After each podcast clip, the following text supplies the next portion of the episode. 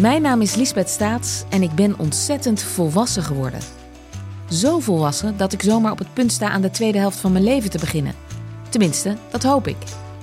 Maar hoe leid je dat deel van je leven dan een beetje slim en leuk? Dat vraag ik in de podcast Lang zal ze leven aan vrouwen die daar al zijn.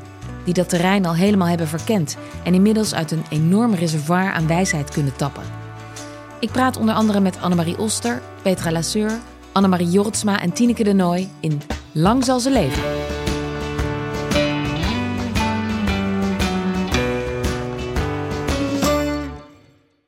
Deze podcast wordt je aangeboden door Vrij Nederland. De brandstof voor je eigen mening. Kortie Media. Ja, dan- je kon een klap om je oren krijgen, want priesters deden dat soort dingen niet. Dus die eenzaamheid van die slachtoffers was zo immens. Die was, eigenlijk was dat, bij ja, een aantal van die slachtoffers zei dat, was eigenlijk nog wel veel erger dan, dan zeg maar het feitelijke misbruik zelf. De totale hulpeloosheid van een kind. En het niet geloofd worden is natuurlijk Ja. zo ongelooflijk ingrijpend als je vader en moeder jou niet geloven. Ja. Maar ze zeiden, ja, dat, dat was dan als je het ging melden. Ja, als dat al lukt. Maar je zat als een rat in de val. Ja. Want je kon niet naar buiten. Dit is Gonzo, de podcast waarin we praten met journalisten over dat ene verhaal in hun carrière dat ze altijd zal bijblijven. Dat kan zijn omdat het een scoop was, dat het opzienbarend was, riskant, gelauwerd, ontroerend. Eigenlijk mag het van alles zijn, zolang het maar een goed verhaal is. Mijn naam is Merel Westrik en tegenover me zit Frans Lomans, oud-hoofdredacteur van Sportweek, Panorama en Nieuwe Revue. Eh, ja, Frans, eigenlijk is het heel simpel. Iedere keer eh, lokken we één journalist hier naar de WPG-studio's in Amsterdam. Dat is eigenlijk het recept van onze podcast. Ze mogen zelf hun verhaal kiezen. Dat verhaal moet natuurlijk ooit gepubliceerd zijn, zodat we het ook kunnen herkennen. Hebben we eigenlijk nog meer vereisten? Nee, het, het moet gewoon een waanzinnig goed of belangrijk verhaal zijn. Het mag ook onbelangrijk zijn, maar dan moet het heel amusant zijn. Maar volgens mij gaan we vandaag helemaal niet amusant doen, hè? Nee, nee, Merel? Nee, nee, eigenlijk niet. De journalist die we namelijk eh, vandaag hebben uitgenodigd, eh, ja, dat is niet zomaar iemand. Prijswinnend onderzoeksjournalist. Hij schreef duizenden artikelen, zeven boeken. Hij is eh, de man die het seksueel misbruik in de Rooms-Katholieke Kerk in Nederland onderzocht en onthulde. Het was een journalistiek onderzoek met enorme impact. Jij bent eh, katholiek, eh, Frans. En je hebt het eh, boek dat onze gast erover schreef, Vrome Zondaars, net gelezen. Met wat voor gevoel heb je het gelezen? Dat was een mengeling van ongelooflijke woede en walging. En wa- wat me, bij me opkwam was: dit is smerig werk om dit allemaal te onthullen.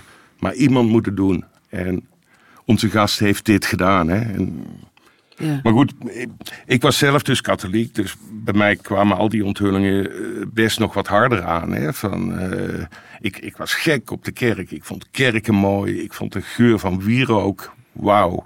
Dat, was, dat, waren ook, dat waren mijn drugs. Hè? Ik kon de hele dag ruiken aan wierook. Nou, echt, echt geweldig. Maar heb jij zelf ooit, Frans, op een kostschool gezeten? Of, of ben je misdienaar geweest bijvoorbeeld? Eh, Nee, ik had namelijk een heel verstandige vader. Die eh, mij weliswaar eh aanraadde om naar de kerk te gaan. Maar toen ik zei van ik wil misdienaar worden, zei mijn vader, nou laten we dat niet doen.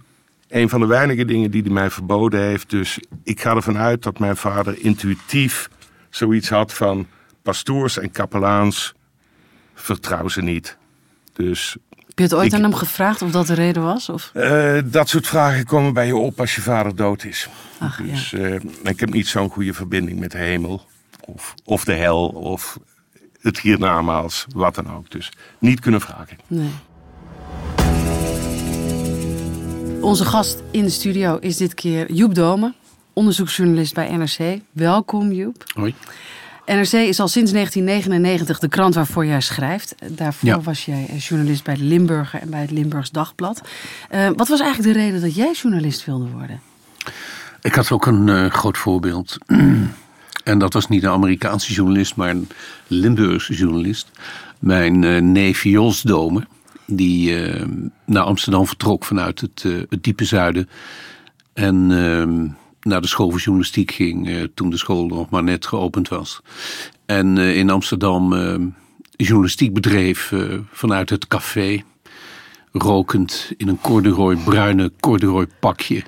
En dan terugkwam en op familiefeestjes de bon vivant uithing en een, baard liet groeien.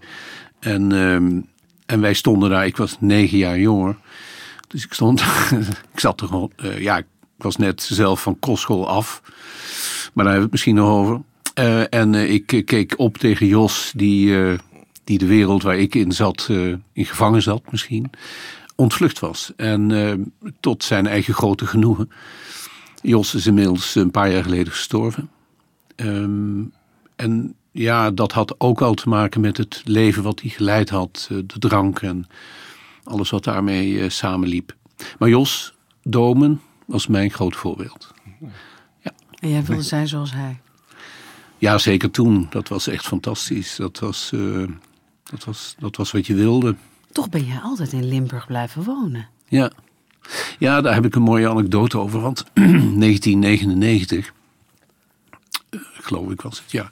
Toen belde ehm, NRC, ik... eh, Samen met Henk Langeberg had ik voor de Limburg een eindeloze reeks corruptiezaken onderzocht en onthuld. En ehm, ja, eh, dat hield maar niet op. En dat leidde ook tot een boek. En ik geloof uiteindelijk zijn negen mensen veroordeeld: burgemeesters, wethouders, ambtenaren.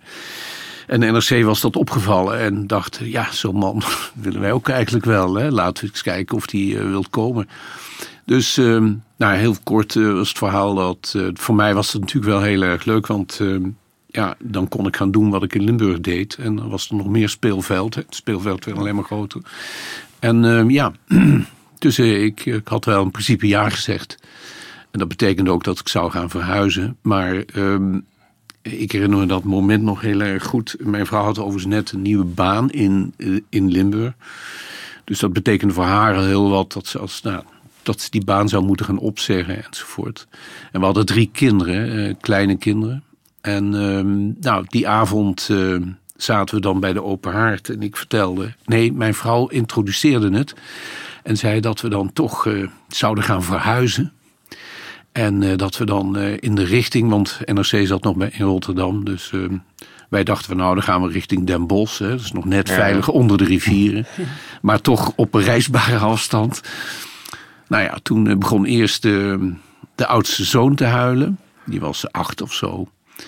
Toen begon mijn oudste dochter te huilen.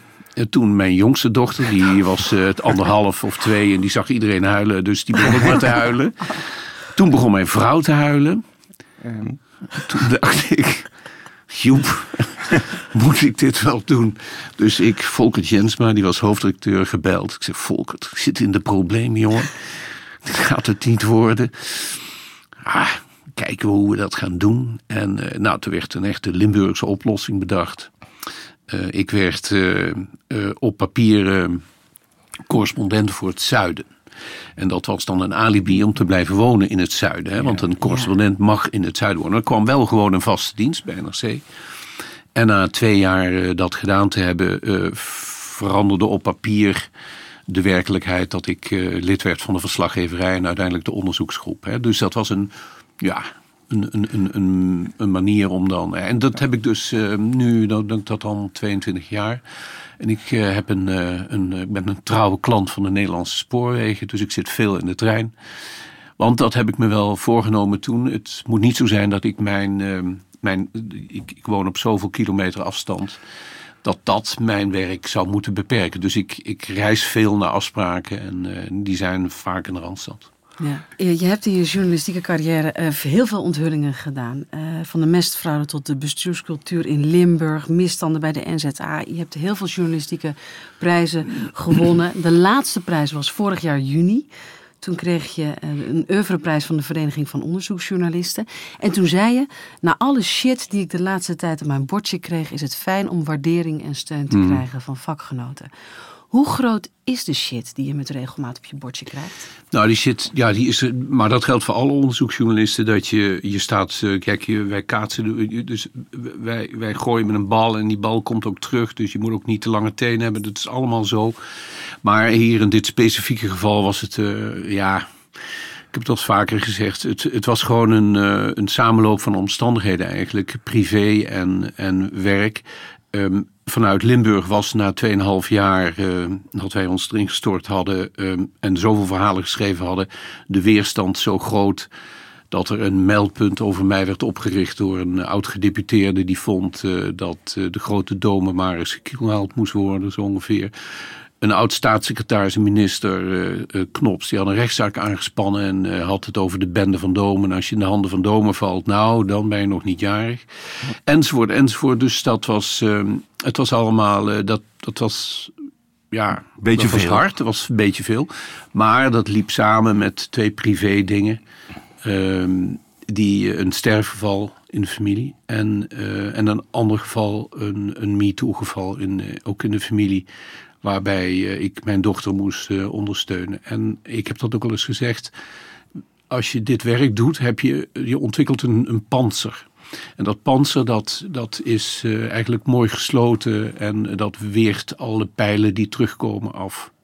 Maar op het moment dat je privé hele emotionele dingen hebt, dan kan het zijn dat het panzer wat open staat, dat het niet goed gesloten is. En dat was zo. Dus die pijlen troffen doel. Dus toen ben ik drie maanden uit de running geweest. Ja. Toen op vakantie geweest met uh, mijn vrouw naar Frankrijk. En sindsdien weer aan het werk. Voordat we helemaal therapie gaan uh, doen, okay. Merel, ja. zullen we eens ja, we gaan beginnen. 2010 gaan of zo? Laten we dat doen. Uh, want Joep, toen we jou vroegen om hier te komen praten over dat ene verhaal in Ja. je carrière, uh, dat je altijd zal bijblijven, wist je toen uh, meteen dat het over je, jouw onderzoek naar seksueel misbruik in de Rooms-Katholieke Kerk moest gaan? Ja, eigenlijk wel, want. Uh, en, en, en we hebben het nu de hele tijd over mensen over wie je schrijft en, en die met, niet goed met macht omgaan en zo. Dat is hier natuurlijk absoluut het, het feit. Maar wat hier, uh, dit, deze casus onderscheidt zich van vele andere uh, die ik gedaan heb. door de grote omvang van uh, de mensen die er baat bij hebben gehad. Hè. Hier zijn duizenden en duizenden mensen in Nederland, mannen en vrouwen, die doordat die zwarte bladzijde eens een keer opengeslagen werd. en verteld wat er echt gebeurd was met ze um, er baat bij hebben gehad. Hè. Die hebben erkenning gekregen, die hebben gezien dat zij niet de viezerik waren die als achtjarig mannetje in de sacristie iets moest doen en daar hun hele leven tot op 60, 70 jarige leeftijd een schuldgevoel over hadden. Die mensen die, ja, ik heb ze huilend aan de telefoon gehad. Uh, honderden. Samen met uh, overigens Robert Chessel van de Wereldomroep. Maar daar hebben we het misschien nog over met hem. Ja. met hem. Zonder hem was dit hele, deze hele zaak trouwens nooit boven tafel gekomen. Nee, want, Want- laten want we, hoe- ja, laten we hoe daarmee, begon het? Ja, laten Ja. we daarmee beginnen. Want dat verhaal Ja. eigenlijk wat jij Ja. hebt gepubliceerd, dat, dat noemen we altijd even. Ehm, samen met Robert, jij noemt hem al je collega van de Wereldomroep, Ja. eh, publiceerde jij op 26 februari 2010 in NRC een eh, artikel met de titel van het verhaal heette Flink bidden, dan had je minder last. En eh, jullie brachten naar buiten hoe leerlingen van een internaat in Serenberg jarenlang door broeders en paters waren misbruikt. Hoe kwam dat verhaal tot Ja. jullie? Ja, dat, eh, dat was een internaat van de Salesianen. Dat is een congregatie, een rooms-katholieke congregatie, waar priesters en broeders deel van uitmaakten. En ze waren vooral eh, betrokken eh, bij het onderwijs. eh, in de hele wereld overigens. Don Bosco scholen zijn nog wel bekend. Die hadden elke plaats het wel een Don Bosco school zo ongeveer. En deze broeders en paters die zaten dan vooral in, in, het, in het onderwijs. En eh, er was in de maanden voordat, want, voordat dit verhaal verscheen, was er in Duitsland een schandaal. Namelijk, er waren op verschillende scholen van die Salesianen er waren, waren misbruikgevallen opgedoken. En eh, dat was het zoveelste schandaal eigenlijk sinds een aantal jaren. Want het was ooit allemaal al in de jaren tachtig. Dan hebben we het dus over 20, 30 jaar eerder in Amerika begonnen. Waar ook misbruik eh, ontdekt werd. En er grote schandalen waren. En kranten hebben daarover geschreven toen. Nou, in Duitsland eh, was, eh, was dat met die Salesianen aan de gang. En Robert Chessel die belde mij op, een, op een ochtend. En zei ja, ik... ik, ik, ik zie dat er ook zo'n school, een Salesiaans eh, kostschool, een Salesiaanse kostschool is in Serenberg. En ik heb iemand die eh, zegt eh, dat hij daar misbruikt is.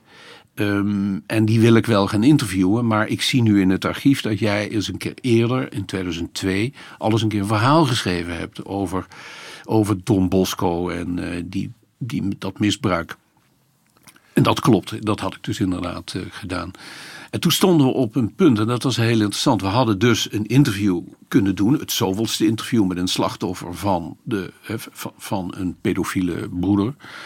Uh, maar wij besloten om iets anders te doen. Wij besloten om te kijken of, het, of wij erin zouden kunnen slagen om meer slachtoffers te vinden, maar ook om die daders op te sporen en als dat allemaal zou lukken, die daders ook in het praten te krijgen. En dat die zouden gaan vertellen over wat er gebeurd was. Dus dat je een veel meer allround verhaal kreeg. En dat uh, duurde een aantal weken. En, maar dat lukte. We hadden uiteindelijk drie slachtoffers. En we hadden ook een broeder die vertelde wat daar inderdaad allemaal gebeurd was op die kostschool. En hoe kwam je aan die slachtoffers? Want het begon dus met, met één verhaal eigenlijk. Ja. Eén iemand die met, met jouw collega uh, contact had. In mijn archief zat nog een slachtoffer. Oké. Okay. En dat slachtoffer kende nog een slachtoffer, bleek. Ja. En uh, toen we dus, dan heb je al drie mensen die daar gezeten hebben. En als je daar dan over praat, en hoe ging dat dan en wie was dat dan? En nou, dan komen dus namen van, uh, van, van vermoedelijke daders. En uh, dan ga je kijken, leven die nog? Hè? Want dat is allemaal zoveel jaar later. Dus dan zoek je dat op en dan blijkt er nog iemand te leven. En dan blijkt er nog een schandaal te zijn waar iemand weer bij betrokken was. En dan heb je uiteindelijk kwamen dus bij die, die broeder die... En ik weet eigenlijk nog steeds niet waarom dat hij het vertelde. Maar hij vertelde dus gewoon wat er daar gebeurde. En, uh, en toen hadden we dus eigenlijk een verhaal waarin we konden onthullen dat wat er in Duitsland gebeurd was, dat dat ook in Nederland gebeurd was. Dus dat we zo'nzelfde voorbeeld hadden, meervoudig misbruik en een bekennende, bekennend uh, broeder. Ik geloof dat hij een broeder was. Ja. Hey, en dat was het begin, hè? En ja. toen, wat gebeurde? Ja, dat, dat was, verhaal verscheen en, en ja, toen? dat verhaal verscheen en, en de rest is geschiedenis. toen uh, ontstond er iets uh, wat, wat wij eigenlijk helemaal niet voor mogelijk gehouden hadden. We hadden al onder, onder dat verhaal een e-mailadres gezet. waar dat e-mailadres was misbruik.nrc.nl waarin mensen uh, die zich herkenden in dat verhaal, of die ook slachtoffer waren, konden reageren. Um, nou, het, het, het, het, al vanaf de eerste dag, er kwamen tientallen e-mails binnen en dat bleef maar aanhouden. Niet alleen over de Salesianen in Serenberg, maar ook over andere kostscholen, inrichtingen, instituten, uh, gesloten inrichtingen. Um, en dat, nou, dat nam een dimensie aan.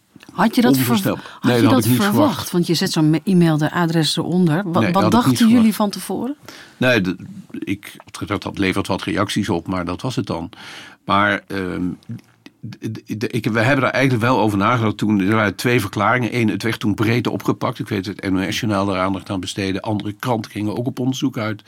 Ehm, het kreeg dus een brede eh, media-aandacht. Dat, dat verschilt. Vaak wordt een zaak een affaire of niet. Bijvoorbeeld bij de toeslagen. Hè. Als, als alleen trouw was blijven publiceren, dan was het waarschijnlijk nooit een hele grote zaak geworden. Maar nu was RTL erbij. En ook andere media hebben eh, daarover bericht. Dus dat, dat werd dan, kreeg een grotere omvang.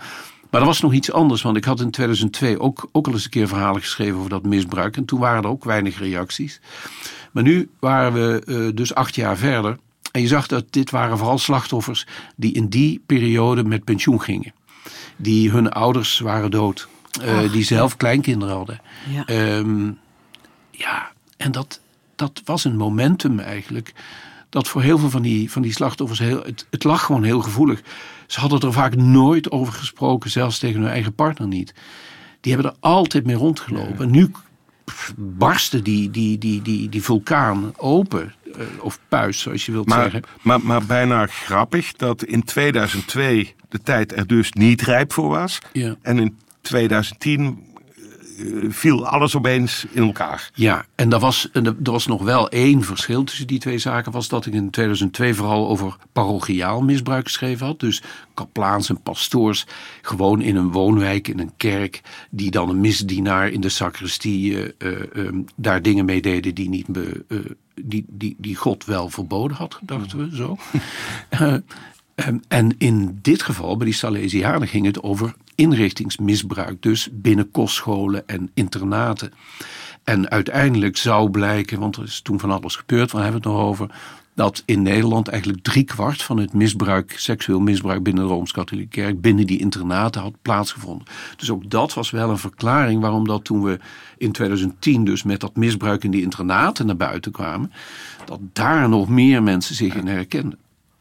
Ja, in, in het stuk in 2010 uh, schrijf je ook. In andere landen wordt systematisch onderzoek gedaan naar de omvang van het misbruik. In Nederland niet. Um, wist je op dat moment ook al dat jij dat onderzoek uh, wilde gaan doen? Nou, helemaal in het begin niet. Het was zoals eh, wij hadden afgesproken. Wij wilden wel aantonen dat dat internaatsmisbruik ook in Nederland had plaatsgevonden. Je had die Salesianen in Duitsland. Nou, wij lieten zien dat die Salesianen ook in Nederland uh, hun handen niet hadden thuisgehouden. Maar de gigantische hoeveelheid reacties, zoals gezegd, dat was voor ons een, echt een verrassing. En die reacties, die leverden ja, heel veel aanknopingspunten op voor nieuw onderzoek. Dus eigenlijk groeide vanuit dat eerste verhaal. Je ziet ook dat dit, uh, dat dit een, een, een journalistieke werk is dat allemaal partjes kent. Het begon met een verhaal over de Salesianen en vervolgens een stroom reacties van mensen die hadden in, uh, in, in Eindhoven in een, in, in een internaat, een kostschool gezeten. En die hadden daar allemaal verhalen over. En, um, en toen kwam weer een ander internaat en Canisius in, in Nijmegen. En ja, dat groeide, dat, dat werd groter. En, naarmate en daar maakten we dan weer een verhaal over. We concentreerden dus uiteindelijk. Want ik herinner me nog goed dat, dat er wel discussie was bij NRC. Oké, we hebben dat nou geschreven. Er is uh, sprake van uh, seksueel misbruik in katholieke kostscholen en internaten geweest. Nou ja, moeten we nou weer een voorbeeld? Hè? Weten we toch nu? Ja. Dus we hebben het toch doorgezet. We hebben, als je dat terugkijkt, dan ik denk toch wel zes, zeven, acht verschillende instituten in die weken behandeld. Met telkens uiteindelijk tientallen slachtoffers. Dus dat groeide in omvang. En er kwamen steeds meer reacties. Uiteindelijk, denk ik, uh, hadden wij wel 700 reacties. Um, en wat we toen gedaan hebben is wel, is wel grappig. De Boston Globe heeft ook uh, uh, dat katholieke misbruik in, uh, in de Amerikaanse kerk uh, in die plaats onthuld. En je ziet in die film die erover gemaakt is, heel mooi hoe ze te werk zijn gegaan. Het grappige is, ik, ik had die film, die was toen nog niet gemaakt toen wij hiermee bezig waren. Maar Spotlight. we hebben zo ongeveer hetzelfde ja. gedaan. Namelijk, we zijn gaan inventariseren. We hebben een Excel-bestand gemaakt. We hebben per uh, uh, internaat, per kostschool hebben we gezegd wie was het slachtoffer, uh, wanneer en welk tijdsgevricht was het, wie waren de vermoedelijke daders, hoe heten ze, wat was hun kloosternaam, wat was hun echte naam. En zo konden we, naarmate we daar tientallen en uiteindelijk honderden gevallen konden samenvoegen, zagen we dus clusters van misbruik op verschillende instellingen. En kon je dus ook zeggen dat die broeder, die broeder Albertus, ik noem nu maar een naam, ja. um, dat hij, dat hij in, in, in vijf, zes jaar tijd zeven, acht slachtoffers gemaakt had. En vervolgens overgeplaatst was naar een andere inrichting. En dan kwamen daar de, de, de berichten over broeder Albertus. En het belangrijke was dat die slachtoffers die zich melden, die kenden elkaar niet. Dus dat is wat je wel wil als journalist. Als, je, als, als ik met iemand praat en zeg, ja, ik ben slachtoffer van broeder Albertus. Oké, okay, ja, nou, zegt dan die iemand, en ik geloof hem of haar graag. Maar naarmate je onafhankelijk van elkaar allemaal getuigenissen krijgt over broeder Albertus, die bovendien een vaste misbruikpraktijk bleek te hebben, namelijk eerst het onderbroekje naar beneden en dan dit en dan dat en dan dat. Ja, dan wordt het toch wel heel erg uh, um, um, aannemelijk dat broeder Albertus inderdaad niet, niet helemaal zijn uh, handen, okay was. Zijn handen ja. thuis gehouden ja. heeft. Ja. Maar Joep, ik kan me ook voorstellen, want je begint hier aan, je begint hier aan, aan dat verhaal. Dan komen er zoveel meldingen binnen. En je luistert naar die mensen, je, je hoort hun verhaal aan. Dat je op een gegeven moment, heb je ooit ergens gedacht, uh, dit onderwerp, uh, ik vind het ongelooflijk belangrijk, maar uh, ik vind het ook heel te ingewikkeld? Emotioneel, um, misschien? Ja, te ingewikkeld. Kijk, wij, als je kijkt naar welke onderwerpen als onderzoeksredactie bij NRC doen, dan zijn er vaak qua ingewikkeldheid nog wel ingewikkeldere onderwerpen.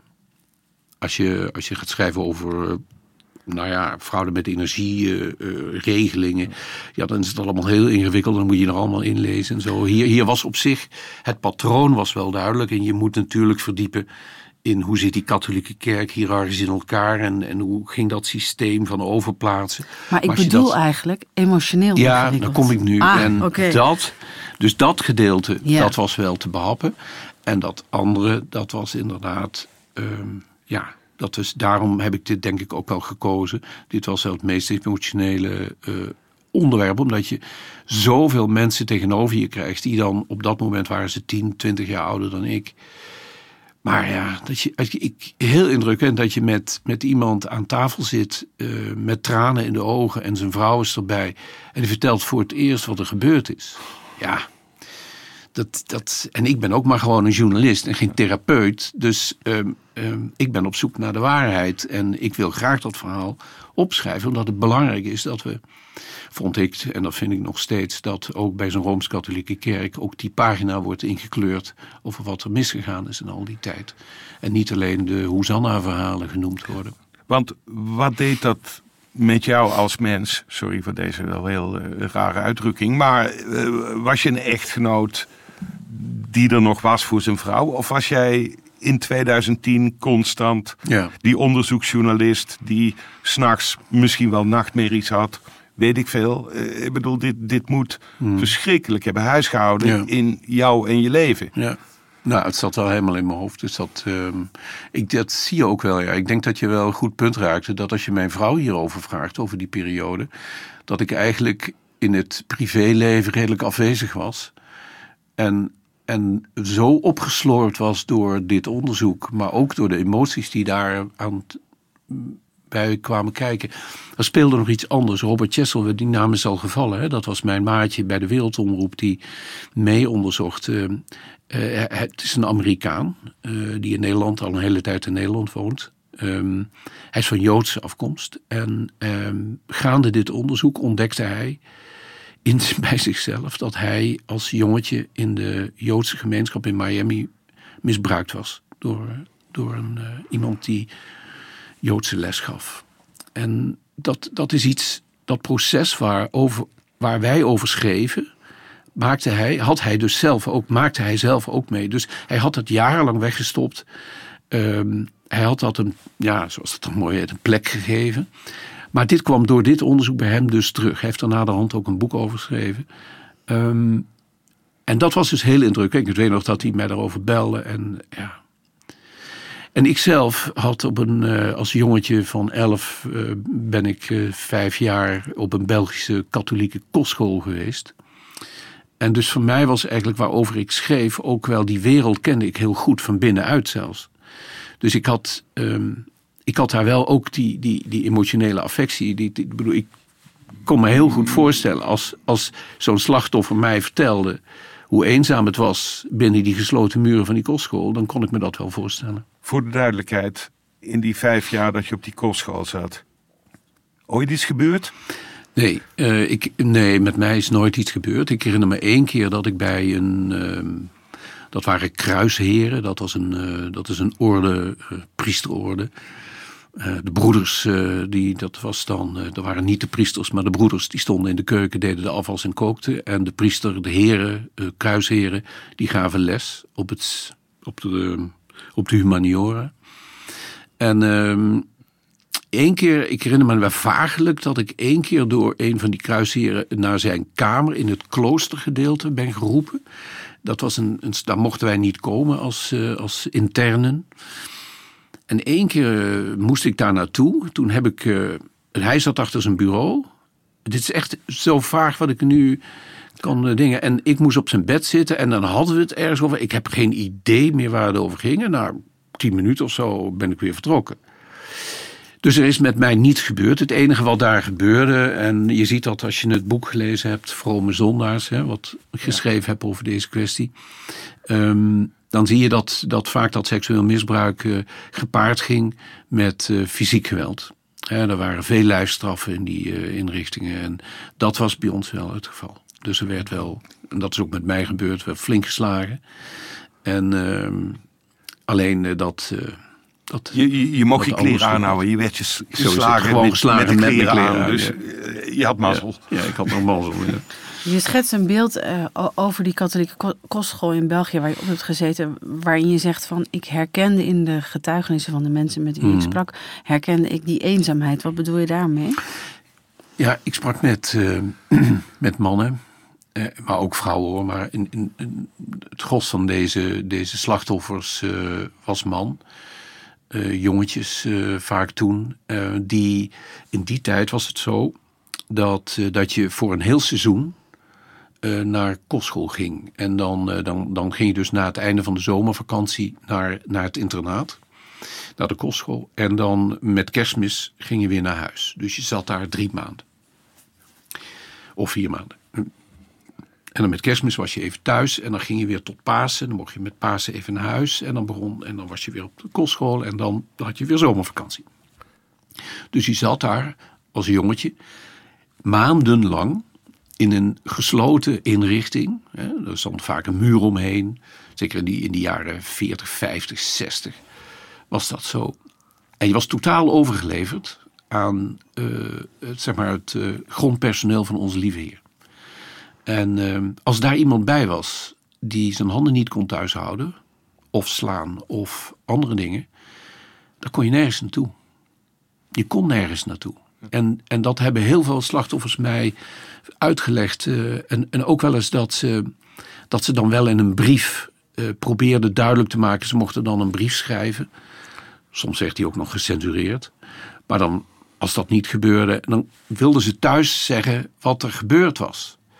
En ja, dan werd dat niet geloofd. En eh, ja, je kon een klap om je oren krijgen, want priesters deden dat soort dingen niet. Dus die eenzaamheid van die slachtoffers was zo immens. Die was, eigenlijk was dat bij ja, een aantal van die slachtoffers zei dat was eigenlijk nog wel veel erger dan, dan zeg maar het feitelijke misbruik zelf. De totale hulpeloosheid van een kind. En het niet geloofd worden is natuurlijk Ja. zo ongelooflijk ingrijpend als je vader en moeder jou niet geloven. Ja. Maar ze zeiden, ja, dat, dat was dan als je het ging melden. Ja, als dat al lukt. Maar je zat als een rat in de val. Ja. Want je kon niet naar buiten. Je zat opgesloten, letterlijk opgesloten in, in die, in die, in de, op die kostschool. En je was jong, hè? Ja. Ik bedoel, je was niet een 25-jarige die zich Nee. kon verweren of anders. iets. Nee. En wat je ziet is, dat was ook wel een patroon, dat deze, deze pedofiele eh, priesters en broeders, die eh, wisten heel precies wie ze te, te grazen moesten nemen. Dat waren vaak de wat timide jongetjes, die eh, geen grote bek opzetten als er iets zou gebeuren. Hè, want eh, dat, is wat, dat was risicomanagement. Hè? Want als je dan iets deed bij een manneke, maar je wist, dat was een schreeuwlelijk. En die ging eh, stampij maken. En die ging schreeuwen. En die ging doen. En die ging dat overal vertellen. Ja, dat was een risico natuurlijk. Dus dan kon je beter een mannetje dat een beetje timide was. Dus die werden dan ook daar eerder slachtoffer. Ja. Een hele treurigheid. In, in en in triest, hè? Ik bedoel, Ja. wat ik al zei, van ik, ik, het is woede en walging, hè? Wat, wat je dan overvalt. En eh, je, ben, je bent er bijna een jaar mee bezig geweest, Hmm. fulltime. Hè? Eh, je was verder een echtgenoot van niks. Niets, ik bedoel, jij leefde voor deze onthulling. Ja. Hè? En dan kijk je daarop terug. Hè? Je schrijft er eerst een mooi boek over. Je kijkt erop terug. En dan denk je van, ik heb de wereld veranderd. Of dacht je dat niet? Nee, dat eh, hadden die, die in als onderzoeksjournalist moet je vooral niet het idee hebben dat je de wereld eh, eh, gaat verbeteren of veranderen. Weet je wat, je schrijft over dingen omdat je vindt dat je de macht controleert. Bijvoorbeeld in dit geval vind je een, een, een, een, een- ja, pagina's onbeschreven zijn over het gedrag van deze, dit instituut dat zo eh, zijn greep had de- decennia lang op een deel van de samenleving in Nederland. eh, dat dit beschreven moest worden, dit moest verteld worden. Nou, daar zijn duizenden mensen zijn daarmee geholpen, dat is ook fijn. Ehm, uiteindelijk zijn er schadevergoedingen en is er erkenning gekomen, dat is allemaal heel fijn. Maar ik had daarbij niet het idee dat je, en dat heb ik eigenlijk nooit, dat je, dat je daarmee de wereld verbetert of verandert. Kijk, het is net als in Limburg, hebben we nu 2,5 jaar lang geschreven over allerlei bestuurlijke capriolen daar.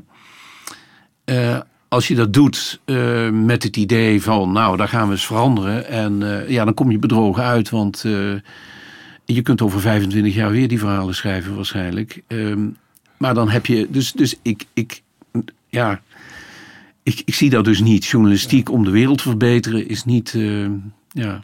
Nee, ik vind het fijn als je, als je dat denkt en het Ja. daarom doet. Maar daar doen wij het, dus ik niet, voor. Ik schrijf omdat ik vind dat die journalistiek die taak heeft. En wat de samenleving dan vervolgens doet met die verhalen. Ja, dat, is aan jou. de samenleving. Kijk, het is de toeslagenaffaire. is misschien het, voor, voor de luisteraars het meest bekende voorbeeld. Die journalisten die hebben die zaken aangekaart. Ehm, en daar komt dan een reactie op. In dit geval eh, komt er erkenning voor die slachtoffers. eh, wordt er ook van alles rechtgezet. En dat is dan heel goed dat dat gebeurt. Maar ja, ik kan me niet voorstellen dat je begint met zo'n onderwerp te zeggen van, eh, nou we gaan dat toeslagensysteem eens veranderen. Nee, je wilt het verhaal vertellen van die slachtoffers en je wil die misstand aankaarten. Ja. En dan moet de samenleving, als het goed is, moet, ja, de samenleving kan daar dan iets mee doen. En in dit geval is er iets mee gebeurd. Overigens, er is geen garantie voor de verre toekomst natuurlijk. Hey, en tijdens het maken van al die verhalen, hè, van jullie werden geconfronteerd met eh, waarschijnlijk heel gedetailleerde beschrijvingen. hè? Ja. Eh, kon je die opschrijven? Of, of heb je ook jezelf moeten censureren in de zin van dit is te gedetailleerd, te onsmakelijk, te. Nou, je hebt het boek gelezen, Ja. Vrome Zondags. Dus je weet dat ik het ehm, benoem. En, en ik vind het zelf, staan daar ook details in. Maar nee, ik heb niet alles eh, opgeschreven. Nee. nee. Niet elk detail over eh, wat zo'n man mij vertelde. Over hoe die verkracht is door een, eh, een als jongetje. Door een broeder in Eindhoven. Alle verschrikkelijke details. Het schreeuwen, het... nee, Dat, hebben we, dat heb, je gemist. dat heb je weggelaten. Ja, nou ja, al die Ja. details. Dat, dat, Ja. Nee, dat, dat begrijp ik ook, want het En was al zwaar vertelt- genoeg. ja, ja. Hey, en wa- wat je eerder zei over de krant, hè, van, eh, die zeiden in het begin één, misschien wel twee keer van... moet het nu steeds, we hebben het toch al aangetoond, moet het maar verder gaan? Ja. Uiteindelijk mocht je verder gaan. Ja, ja, zeker. Kijk, dit- is een, een klassieke journalistieke ding natuurlijk. Op het moment dat je, je hebt het één keer eh, eh, aangetoond, ehm, ja, dan kun je het, ehm, ja, moet je het dan nog, nog een keer gaan opschrijven, nog een keer en nog een keer. En, maar hier was, ehm, ja, na- eh, naarmate, naarmate er telkens meer reacties kwamen en de omvang van het schandaal groeide, werd het uiteindelijk evidenter dat we daar aandacht aan bleven besteden. We hebben tientallen verhalen geschreven. Eh, wat we geprobeerd hebben wel, is het om, ehm, om uiteindelijk zijn we het zo ongeveer gaan clusteren. We kregen dus steeds meer informatie. Dus ja, we zijn internaat na internaat afgelopen. En hebben eh, ook onderzoek gedaan naar verschillende broeders en daders die dan ehm, genoemd werden. En gekeken, leeft die man nog? Kunnen we die nog benaderen? Dus het was uiteindelijk een heel werk. Ehm, maar ja, hier was uiteindelijk de krant ook, was het ook voor de eindredactie en de hoofdredactie duidelijk dat, dat we dit tot de bodem toe moesten uitzoeken. En toen kwam dat onderzoek van eh, commissie Deetman. Hè. De Rooms-Katholieke Kerk heeft uiteindelijk eh, Wim Deetman, de oud-Kamervoorzitter, gevraagd om een onderzoek. Hij is trouwens geen katholiek. Protestant volgens mij. Ja, eh, om dat onderzoek te doen. En dat is er toen geweest. En daar kwam toen uiteindelijk uit eh, dat het inderdaad om een structureel en endemisch probleem was.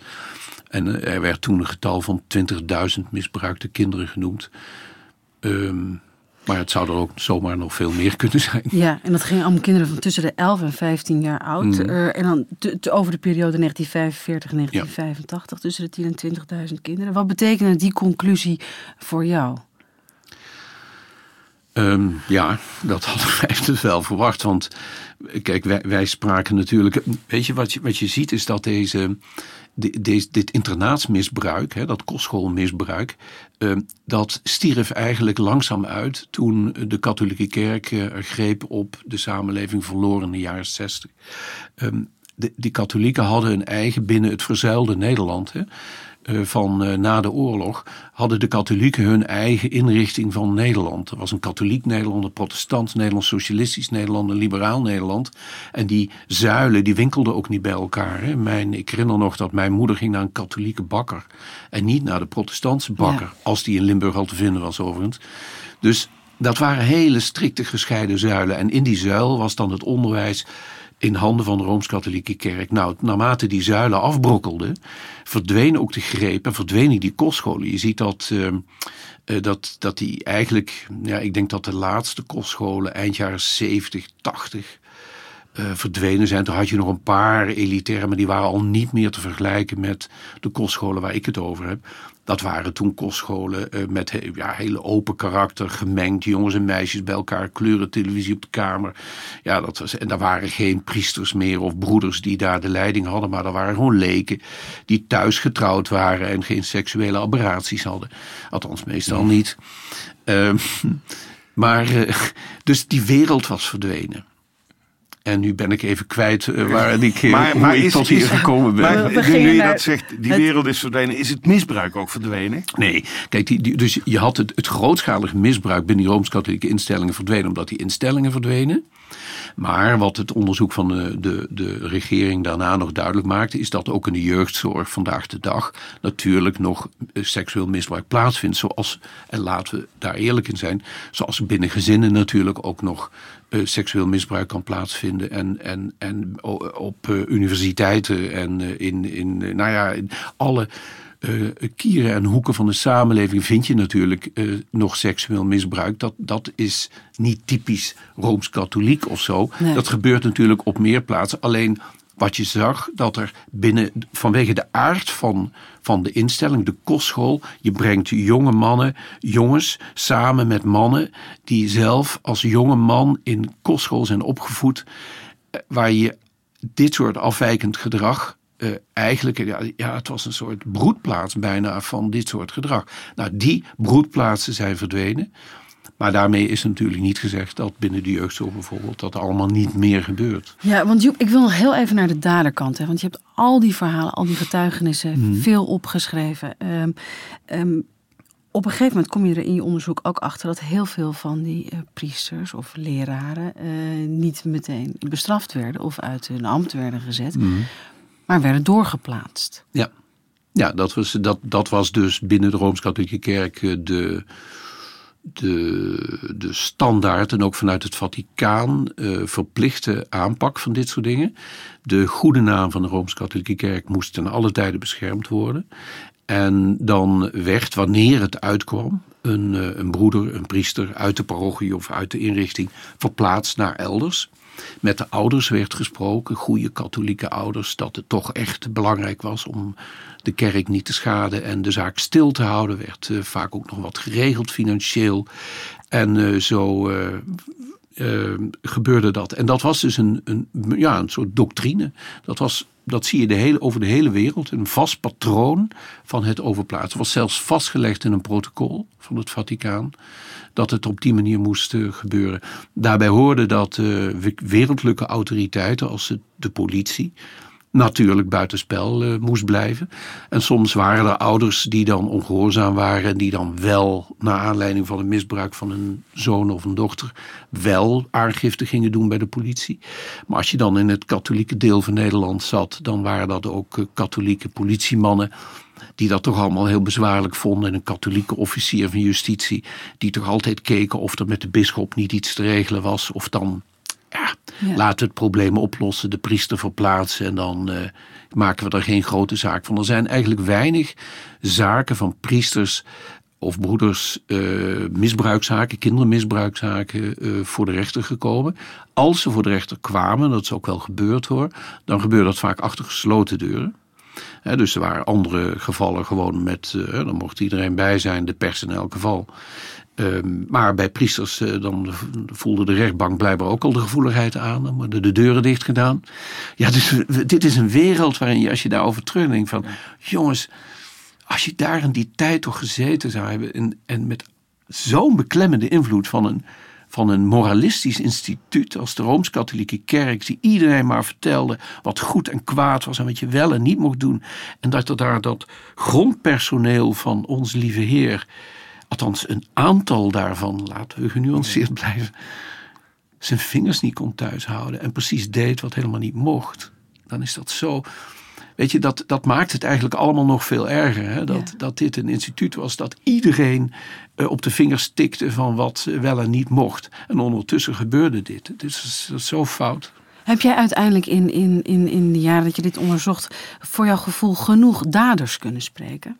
Of mensen die dit systeem in stand hielden? Ehm, nou, daders, echte daders. Je hebt twee soorten daders. Hè. Daders die het, eh, die het gedaan hadden, gepleegd hadden, plegers. En uh, de daarboven hen gestelde bisschoppen en deken en kardinalen, die het allemaal gefaciliteerd hebben en de letter en dat protocol van het Vaticaan hebben uitgevoerd, namelijk verplaatsen die handel. Um, daders die het gedaan hadden, waren bijna allemaal dood. we hebben het hier over, ja, die, die, die, die lagen bijna allemaal op kerkhof. Onder, uh, ja. Uh, maar enkele hebben nog gesproken. Het begon al bij die Salesiaan die dan inderdaad dat toegaf. Um, ja, maar dat is een handjevol. Um, een handjevol mensen die, als je ze dan spreekt, en dat is natuurlijk bij, vaak zo met ja, dit soort uh, mensen die, die het vergoeilijken, die, die dan wel een verklaring voor hadden, vaak ook zeiden: Ja, ik ben, en dat was dan ook zo, zelf als jongetje van twaalf naar een, uh, een, een priester of een broederopleiding gestuurd. En die die, die weer door anderen misbruikt waren in hun eigen opleiding. En ook dat totaal verdrongen, verwrongen seksuele beeld. Hè, ik bedoel, seksualiteit bestond niet. Uh, mocht ook niet bestaan. Dus dat was dan, daar waren hele abjecte ideeën en, en het gebeurde het geheim. En de, hele misvormde seksuele ontwikkeling hadden die misbruikers doorgemaakt. En die kregen weer jongetjes onder hun hoede en dat ging weer verder. Dat was dus eigenlijk zo van generatie op generatie had dat plaatsgevonden. Nou, die andere categorie, de plegers, dat waren de, de, de mensen, eh, de kardinalen en de, de bisschoppen, die dus deze plegers maar telkens verplaatst hadden. En eh, ja, dat, die, die namen, die, die, die, die, met die mensen hebben we ook wel gesproken, ook wel contact gezocht. ze zijn voor een deel ook wel genoemd, we hebben erover geschreven. Um, maar die zijn redelijk, of ze waren dood of uit de wind gehouden uiteindelijk. Er zijn maar een paar bisschoppen die, um, um, ja, die, die uiteindelijk bijvoorbeeld ook in dat onderzoek Deetman met naam genoemd uh, werden. En uh, duidelijk waren dat. maar ja, er is bijvoorbeeld geen bisschop afgetreden. Nee. Als gevolg van de belangrijkste was de voorzitter van de bisschoppenconferentie van Luin. En hij was zelf een Salesiaan. Dus we hadden hem vanaf het allereerste begin al dacht van, hé, hey, Salesiaan. Uh, nou, Van Luin die, die, die trad eigenlijk in 2010 vanwege pensioengerechtigde leeftijd al af als bisschop en voorzitter van het bisschoppencollege. Dus ja, eigenlijk toen die volle omvang uh, duidelijk was, was hij al weg. Ik denk dat als die gebleven was, want uiteindelijk bleek ook hij priesters door te hebben gestuurd en dat hij daarvan wist. En dat hij daarvan wist, ja. Dus dan, dan was het moeilijk voor hem geworden, maar hij was al weg. Maar die heb jij nooit gesproken? Uh, nou, van Luin, nou begin ik te twijfelen of ik hem ooit gesproken heb. We hebben wel met bisschoppen gesproken, maar of het nou van Luin was of niet, het is nu ook weer twaalf jaar geleden, ja. dertien. Want voelt dit voor jou ook als een verhaal dat af is? Of, of zijn er nog mensen die, rond, die, die daar rondlopen ergens waarvan je denkt, die wil ik eigenlijk nog een keer tegenover me hebben? Nou, het seksueel misbruik is nooit af natuurlijk, want dat, uh, dat uh, er zijn tal van, daar hadden we het net ook al over, plekken in de samenleving waar dat nog gebeurt. Waar je ook naar moet kijken is natuurlijk naar het buitenland. Hè. Robert Chessel is toen vooral bezig geweest met, waren met, met, met ontwikkelingslanden, hè, derde wereldlanden, waar de Rooms-Katholieke Kerk nog steeds tot de dag van vandaag een manifeste positie heeft in het onderwijs en in de zorg. Veel missionarissen zijn daar naartoe gegaan in het verleden, maar nog steeds hebben die congregaties en ordes daar toch een dikke vinger in de pap. En ja, ehm, ook daar waren geluiden over seksueel misbruik. En het zou vreemd zijn wanneer het niet is. Ik bedoel, dat is gewoon, dat, dat, dat kun je uittellen. Dus daar, uh, dat is wel degelijk uh, nog een aandachtspunt, denk ik. Ja. Hier, eh, hier worden we niet vrolijk van, hè? Eh, Van die eh, K-katholieken. nee, Hè? nee. Toch? Eh, wanneer ben je voor het laatst... eh, je bent geen katholiek meer, neem ik aan? Nee, nee, nee, nee, al heel lang niet. Nee. Alleen. Nee, Kinderen niet meer gedoopt. nee, En, eh, nee. nee. Eén voornaam. eh, Ik heb, en- er- ja, ik, ik heb er vijf. En daar zit ook Maria in. Bij jou ook? Franciscus, Petrus, Maria. Ja. Dat zijn mijn drie voornamen. Ik heb er vijf. Jee, Wil je ze horen? eh, doe maar. En het is in het Frans. Hè? Dus het was Ja. ook nog extra chic. Dat hoorde bij het naar kostschool gaan in België. Ik had vijf. eh, Joseph, Hubert, Jean, Pierre, Marie. Ja, alle, alle heiligen op een rijtje. en eindigend met Marie. Ja. Het is Nou, wat. Denk je vaak hier aan, eh, aan terug, eh, Joep? Want je, bent, je zegt net ook, ik ben met andere verhalen ook weer Ja. bezig. Maar is dit iets waar je vaak aan terugdenkt? Nou, niet vaak. Maar je, natuurlijk, dit, is, dit heeft ook wel een hele wending in. eh, was het ook wel toch. Ehm, het was toch wel, omdat zo indrukwekkend en zo lang mee bezig ben geweest, was het natuurlijk ook zo. Ja. En hier hebben we ook weer aanvaringen gehad natuurlijk. Hè, want op een gegeven moment hadden we niet alleen gedoe met, eh, met, met die bisschoppen, maar hadden we ook weer gedoe met, eh met Deetman. Want wij hadden iets geschreven dat, dat binnen die commissie Deetman zaten weer leden van die commissie die zelf eh, talrijke opdrachten van de Rooms-Katholieke Kerk hadden gekregen voor het schrijven van allerlei gedenkboeken. En, en de, er was van alles. En, en, en wij schreven dan weer iets. En dan eh, had Deetman dat weer niet bekeken. Maar dat was toch ook een raar onderzoek eigenlijk. In opdracht van de katholieke kerk. Nou, op zich was het goed dat de Rooms-Katholieke Kerk dat liet onderzoeken. Ehm, Maar waarom is dat geen onafhankelijk onderzoek geweest? Ja, nou ja, de Rooms-Katholieke Kerk vond dit een onafhankelijk onderzoek, omdat dit gedaan werd door eh Deetman. Nou kende Deetman van Luin wel, want Deetman was burgemeester van Den Haag geweest en van Luin eh, eh, zat daar als bischop. Ehm, in Rotterdam eh, behoorde daar tot het bisdom. Maar, ehm, dus men kende elkaar wel. En ja, ik wil daar verder geen suggestie aan verbinden of zo, dat dat doorgestoken kaart was helemaal niet. Want je ziet dat dat onderzoek Deetman wel degelijk ook, eh, ja, eh, het, het was, ik, ik denk dat we dit, laten we dan toch iets positiefs zeggen.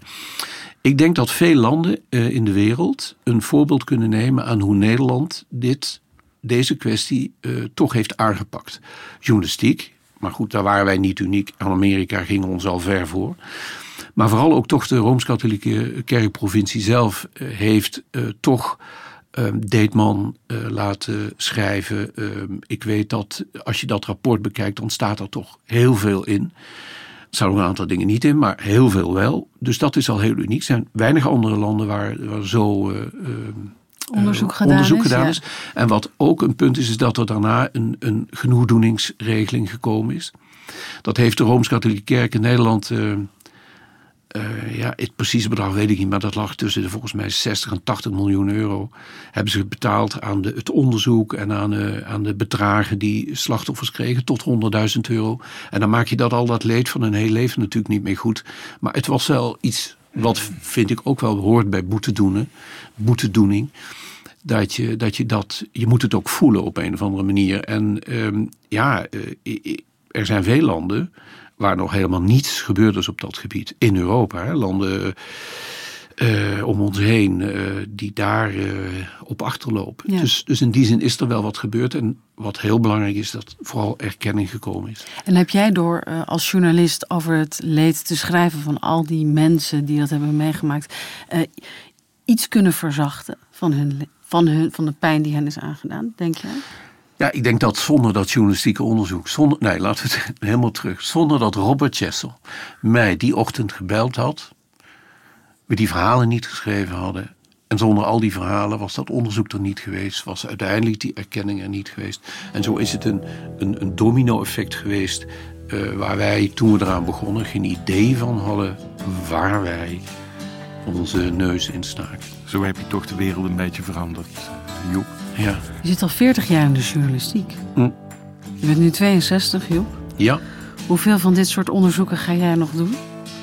Nou, wat ik, ik, ik wilde nog een jaar in vaste dienst bij NRC werken en daarna eh, een paar boeken schrijven. Ehm, en ja, dus eh, dat is het. Joep Dome, dank voor je komst naar de WPG-studio's. Dit was Gonzo. Mijn naam is Merel Westrik, tegenover me zit Frans Lomans. En deze podcast luister je op Apple Podcasts onder andere of op Spotify. Vergeet je vooral niet te abonneren. En mocht je nou vragen hebben, dan kan je mailen naar gonzo.kortimedia.nl.